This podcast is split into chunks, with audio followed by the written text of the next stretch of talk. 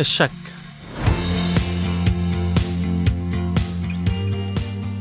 حلقة اليوم حتكون عن الشك ورح نبلش مثل العادة بالتعريف.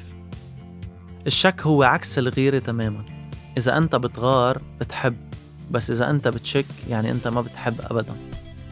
الشك هو بس يكون في فرضية معينة وأنت تمشي وراها وتتحقق لتشوف إذا هالفرضية مزبوطة أو لا.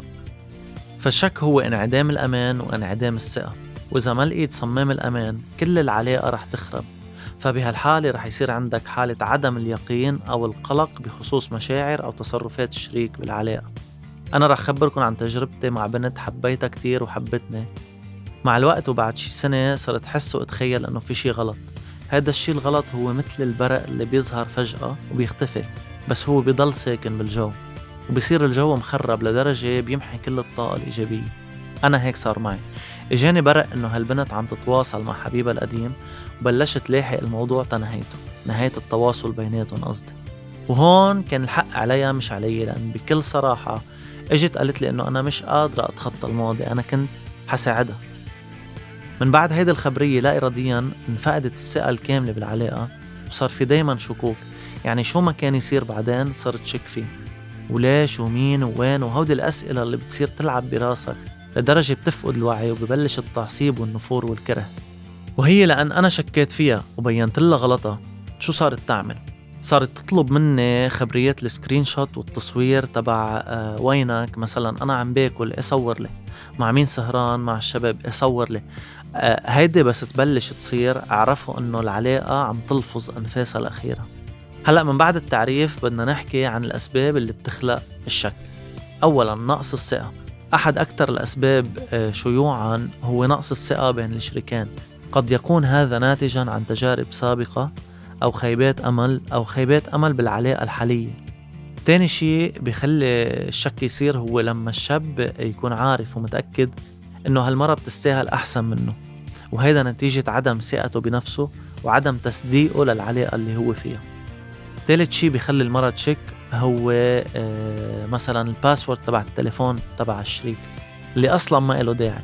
فأنت بس تحط password وتضل تغيره مش بس حتشك فيك حتحرق عيشتك. هيدا عدا عن إنه حتضلك آه، آه، حاطط التليفون على وجهه قدامها. بس تدق ما يبين مين. حتى بس تفوت على على التواليت لتحكي كول أكيد حتشك فيك. فهودي الحركات بلاهم.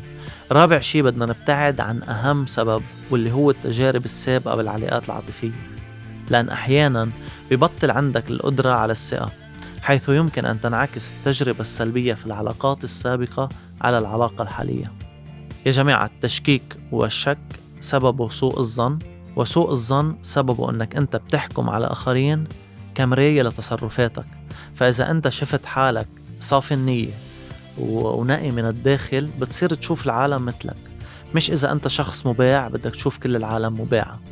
ولأنك ما بتقدر تقول هالاشياء عنك بتصير تقولها على الناس. من بعد هالأسباب آه تعالوا نحكي عن تأثير الشك على العلاقة وكيفية التعامل مع الشك. بالبداية خلونا نتفق إنه كذبة وحدة كذبة وحدة بس حرفيا قادرة على إثارة الشك. فالشك هو سرطان العلاقة. ما بيقتلها دغري بس مجرد فات عليها بضعفها لتوصل للموت. وما بحياتكم تتحملوا أو تناضلوا بعلاقة كثيرة الشك كثيرة الوجع كثيرة الاتهامات. لأن ما بدك ولا لازم تضل عم تبين أو عم تفرجيها براءتك. وعشان تتعامل مع شخص شكاك بدك ما تكذب وما تعمل ولا شيء ممكن يخليه يشك. يعني كل شيء بيسبب له شك بعد عنه. فما يصير مشكل من الأساس. أو إنه بدك تصير تشك فيه وتفرجيه قديش هالشعور بشع لأن مثل ما قلت لكم اللي بيعمل شي غلط بفكر الناس عم تعمل غلط مثله. وبالنسبة لإلي أفضل طريقة لمعاملة الشخص الشكاك هو إنك تقتنع إنه أقدارك مش مناسبة لإلك. كيف يعني؟ يعني الله اللي خلقني وخلق لي أقداري واحد. فإذا هالقدر موجود مش مناسب حاليا وحيتعبني بلى بنساه. في غيره آه، كتير أقدار ممكن نتفق معه ونحصل ونفضل على أسمى علاقة حب معه. من هون اللي أنا دايما بقوله مثل ما في هيدا الباب اللي انفتح لك في غيره عشرة وعشرين ومية باب. ما تلزم نفسك بشخص مش قادر يتواصل معك مش قادر يفهمك مش دايما آه عم يظن فيك. دايما ثقته فيك مهزوزة. لأن هيدي العلاقة آه سوف تصبح كالسفينة التي كلما ضربت فيها الرياح غيرت اتجاهها وقوصت ظهرها مما يجعل كل رحلة في عمق العلاقة تحمل في طياتها التساؤلات والتحديات أخيرا مثل العادة تأخذ رأيكم وتفاعلكم أه حأسألكم كم سؤال هل أنت شخص شكاك؟ أه هل ظلمت حدا قبل بشكك؟ وشو بتتوقعوا تعملوا إذا الشريك شك فيكم؟